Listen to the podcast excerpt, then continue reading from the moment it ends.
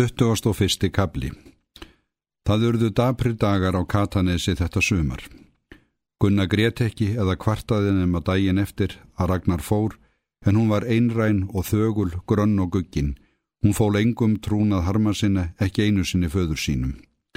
Haldur stóð upp í ráðalaus gegn þessum viðbröðum hennar í kvöl sorgar sinnar. Hann hamaðist við búskapin og reynda að gleima beisku sinni í kappu og önn.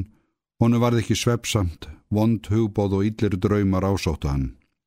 Það var sárgrætilegt að horfa upp á þessa ungu og blómlegu dóttur hans vestlast upp af harmi og hann sár kveið því að hafa hana heima þegar haustið gengi garð með myrkur og kulda. Stundum óttaðist hann meira að segja sjálfan sig, svo æfur var hann orðin. Ef gunna hans verslaðist upp á dægi, myndi hann þá geta á sér setið að leggja ekki hendur á þá mannesku sem áttu sök á þessu. Hann gæti drepið salvuru Samuelsen með köldu blóði ef til þess kæmi. Hann hataði hann af líf og sál. En hann ásakaði einni sjálfan sig, svo hugsun við ekki aldrei frá honum að sá sem bæri raunverulega ábyrð á þessu væri hann sjálfur og engin annar. Nú var sjálfsagt forsjónin að koma fram hemdum á hendur honum og hún kunni svo sem lægið á því. Nú orðið beitt ekkert á honum sjálfum en hann tók sárt til gunnu sem hafði verið indi hans og eftirlæti og sólargeislin í lífi hans. En let hann bjóða sér þetta. Sennilega var það vilji forsjónarinnar að barnið hans að dæja af sorg fyrir augunum á honum en myndi ekki und að koma í veg fyrir slíkt. Ef hann kæmi gunnu nú eitthvað þangað sem væri líf og fjör og martu mannin, til dæmis til Reykjavíkur. Haldur átti frængu í höfustadnum, hún raki gistihús og matsölu, hver vissi nema hún fengist til að taka gunnu einn vetur eða svo.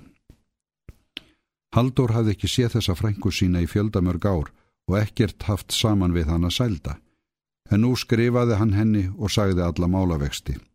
Hann hvaðst vera fátækur og ekki geta kosta dóttur sína en kannski vildi hún gera honum þennan greiðarsæki frændsemi þeirra. Honu var ekki ljúft að byggja þessa en hann vildi allt til vinna vegna gunnu. Þegar sláttur var úti fekk hann vingjarlegt bref frá frængusinni. Hún sagði að gunna væri velkomin og hvað skildi gera fyrir hann allt sem hún gæti.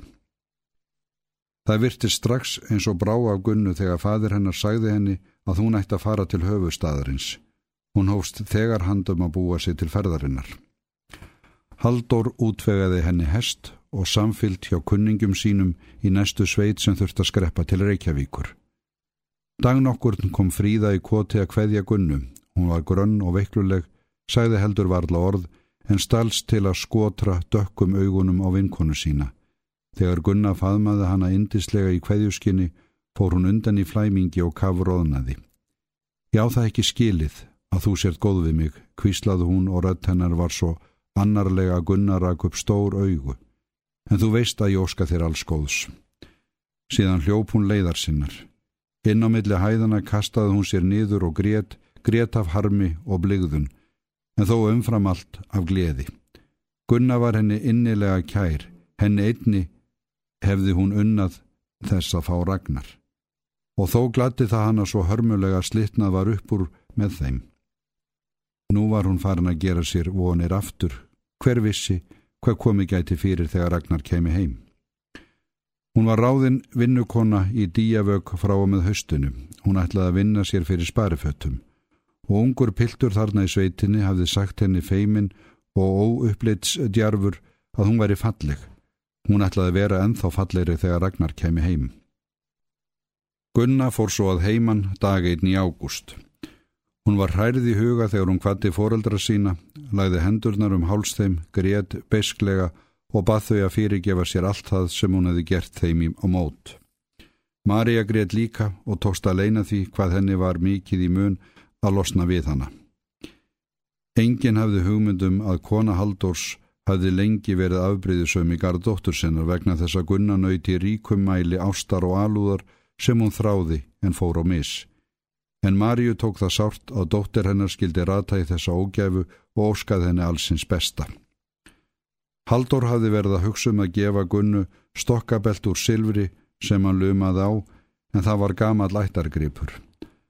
Hann kvarf þó frá því aftur. Hann hafði gefið salvuru beltið forðumdaga og minning þeirrar stundar þegar hún skilaði honum því aftur var allt annað en hugljúf. Það fyldi því víst engin hamingja og best að láta það eiga sig. Hann reyti Gunnu yfir í næstu sveit, honum fannst hún hressar í bræði en venjulega þó að hún gréti og barmaði sér. Hún hafði ekki barmað sér hinga til, kannski yrði það til þess að leina sorg hennar. Hann velti þessu mikið fyrir sér. Það var einkenn á ætt hans að vilja vita eitthvað um lífið og tilveruna og hann varð ævarari við þetta eftir því sem aldur færðist yfir hann.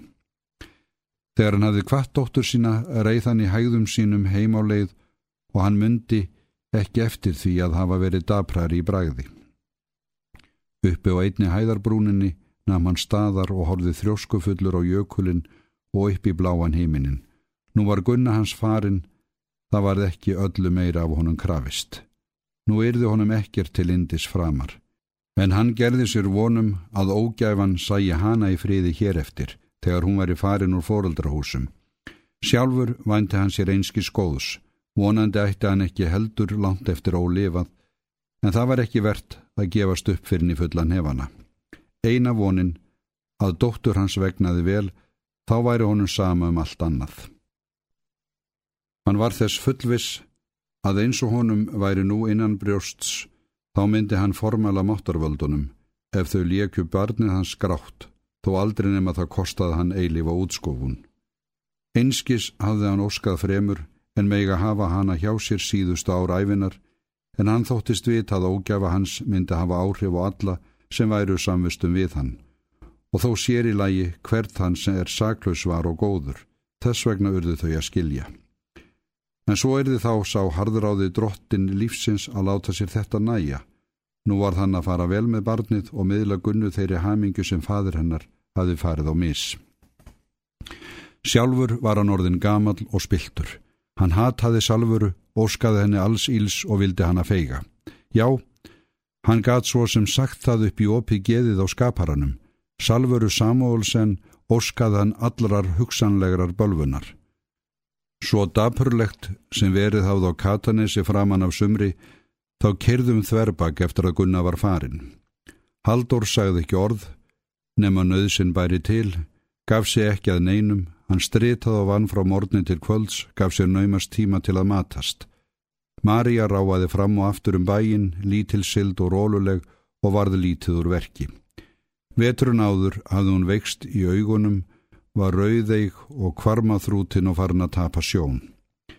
Kristófer Gamli var komin að fótum fram orðin ónýtur til alls nema jeta, en við það var hann tveggja manna mæki. Loppa var líka orðin styrð og hrum, þungfær af deyfð og fytu og sóðalegri en nokkru sinni fyrr, það lagði af henni óþefin langar leiðir, en samt var hjálpað henni við innistörfin þó að þau kvíldað mestu leiti á Símoníu sem var síst skapetri með aldrinum. Gissur Haldursson gekk að vinnu með föður sínum þegar honum bauð svo við að horfa og gaf þá átt til að vinna eins og berserkur. En hann var ærið dindóttur og mikið gefin fyrir að fara einn á veiðar. Hann var æg fámalli og einrætni, talaði varla við nokkurt mann og let aldrei sjá sig í hópi annara unglinga. Einstakasinnum rakst hann þó að díavög en stóð aldrei við nema stuttastund. Haldur Bessason varð ákælega einmanna eftir að Gunna var farin. Kona hans og sonur virtust honum vandalöysar manneskjur. Gissur var með aldrinum þrjóskur og þumbaralegur og Haldur þótti sjá í augum hans sama kuldaglampan og einkindi móður hans. Þessi piltur, sem hafði verið svo viðkvæmur og blíðlindur í æsku, leit út fyrir að ætla að verða harður í hornataka og á vægin. Hann let sem hann sæi ekki ungu stúlkurnar þó að þær væru farnar að gefa honum hýrt auga við kirkju og öðrum mannamótum.